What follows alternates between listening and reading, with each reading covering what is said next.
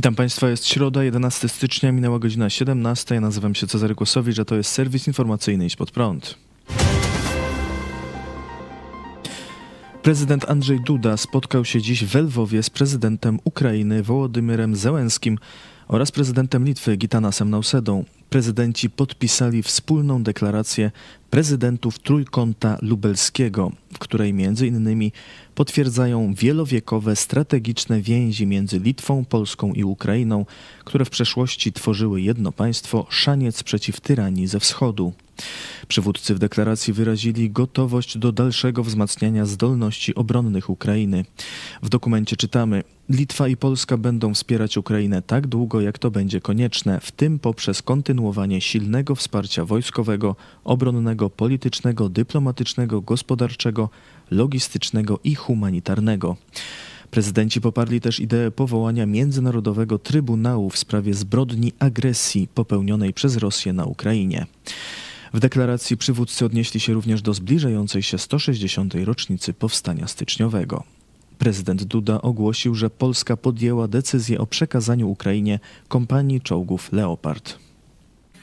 Takie wsparcie dla Ukrainy ze strony polskiej nastąpi.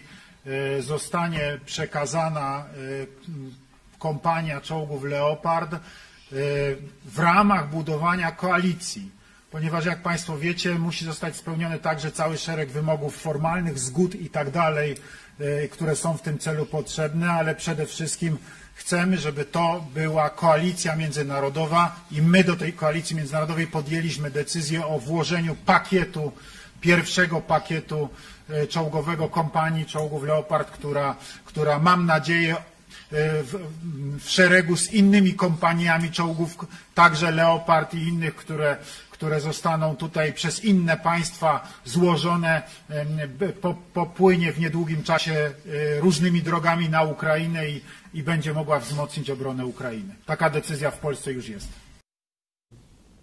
Prezydent Litwy zapewnił, że Litwa przekaże Ukrainie amunicję. Jestem wdzięczny Polsce i Litwie za decyzję o wsparciu militarnym. Pokazuje to, że jesteśmy partnerami i przyjaciółmi, powiedział prezydent Ukrainy. Ciężkie walki o Sołedar. Od kilku dni w Ukrainie toczą się bardzo krwawe walki o Sołedar, nieduże miasto pod Bachmutem. Rosjanie, głównie najemnicy z grupy Wagnera, atakują miasto mimo ciężkich strat. Rosjanie już kilkukrotnie ogłaszali, że zdobyli miejscowość, jednak okazywało się to nieprawdą. Dziś, nieprawdą. Dziś rano strona ukraińska oświadczyła, że Sołedar nie jest pod kontrolą rosyjskiej armii. Amerykański Instytut Badań nad Wojną stwierdził, że siły rosyjskie nie zdobyły całego Sołedaru pomimo fałszywych rosyjskich twierdzeń, że miasto upadło i że Bachmutowi grozi rychłe okrążenie. Doradca prezydenta Ukrainy Oleksij Arestowicz powiedział, że Rosjanie mają pod kontrolą ogniową trasę Bachmut-Sołedar, a także kontrolują wschodnie okolice Sołedaru. Wiceminister obrony Ukrainy Hanna Maler napisała na telegramie: po poniesieniu strat przeciwnik po raz kolejny przeprowadził rotację swych oddziałów, zwiększając liczbę Wagnerowców, próbuje przerwać obronę naszych wojsk i całkowicie zająć miasto, ale bezskutecznie. Soledar to miasto, które przed wojną zamieszkiwało około 10 tysięcy ludzi. Znajduje się na północ od Bachmutu w obwodzie donieckim. Rosjanie od kilku miesięcy próbują zdobyć Bachmut, jednak bezskutecznie i ponosząc ciężkie straty. Od kilku dni kierują swoje główne wysiłki na zdobycie pobliskiego Soledaru, prawdopodobnie po to, by potem otoczyć Bachmut. Jednak Instytut Badań nad Wojną ocenia, że zajęcie Soledaru nie będzie oznaczało natychmiastowego okrążenia znacznie ważniejszego Bachmutu, a także nie przesądzi, że siły agresora uzyskają kontrolę nad trasami komunikacyjnymi do tego miasta.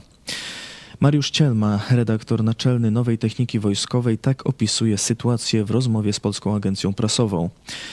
Sołedar znajduje się w obniżeniu terenu. Po jego zajęciu Rosjanie sami znajdą się w trudniejszym położeniu, bo Ukraińcy wycofają się na pozycje znajdujące się wyżej. Ważne jest jednak, by nie tracić perspektywy. To niewielkie przed wojną miasteczko, o które Rosjanie desperacko walczą od wielu tygodni, nie licząc się ze stratami.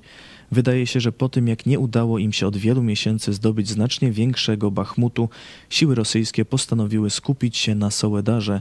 Główny cel tych działań to odnotowanie jakiegokolwiek sukcesu. Ukraiński ekspert wojskowy Ołech Żdanow stwierdził, że zajęcie Sołedaru nie ma w tym momencie znaczenia dla frontu, dla wojny, ale ma dla polityki. Putin w końcu uzyska coś, z czym będzie mógł wyjść do Rosjan. Propaganda rozkręci z tego sukces, stwierdził Żdanow. Generał Ben Hodges, były dowódca wojsk USA w Europie, w rozmowie z New York Times powiedział o Bachmucie. To miejsce jest jak Verdun podczas I wojny światowej, gdzie każda strona próbuje wykrwawić drugą.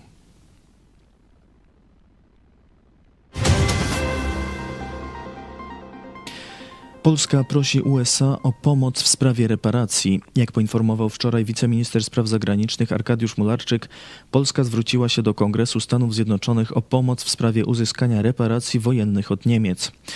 Uważamy, że USA są krajem, który stanowi dzisiaj o globalnym porządku, kluczowym krajem, jeśli chodzi o kwestie przestrzegania ładu międzynarodowego, praw człowieka, praworządności i sprawiedliwości międzynarodowej Uważamy, że niezwykle kluczowe i ważne jest włączenie Kongresu USA do tej problematyki i poinformowanie prawodawców amerykańskich, w szczególności jeśli chodzi o Komisję Helsińską, której celem i zasadniczym motywem działania jest właśnie przestrzeganie praworządności, demokracji i praw człowieka.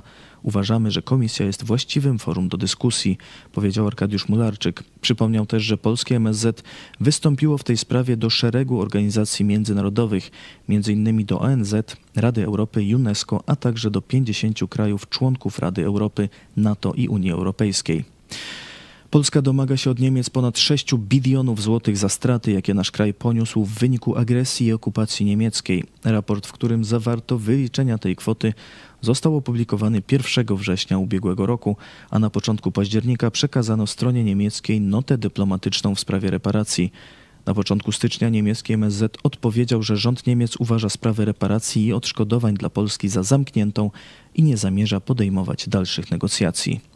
Polskie MSZ zapowiedziało wówczas, że będzie nadal pracować nad uzyskaniem reparacji. Irański sąd wydał trzy kolejne wyroki śmierci na uczestników antyrządowych protestów. W Iranie od września trwają ogólnokrajowe protesty, które wybuchły w reakcji na zakatowanie młodej kobiety przez policję moralności.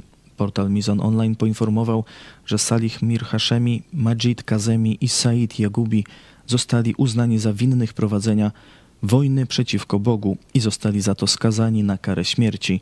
Sąd uznał ich także za winnych przynależności do grupy przestępczej mającej na celu zakłócenie bezpieczeństwa kraju.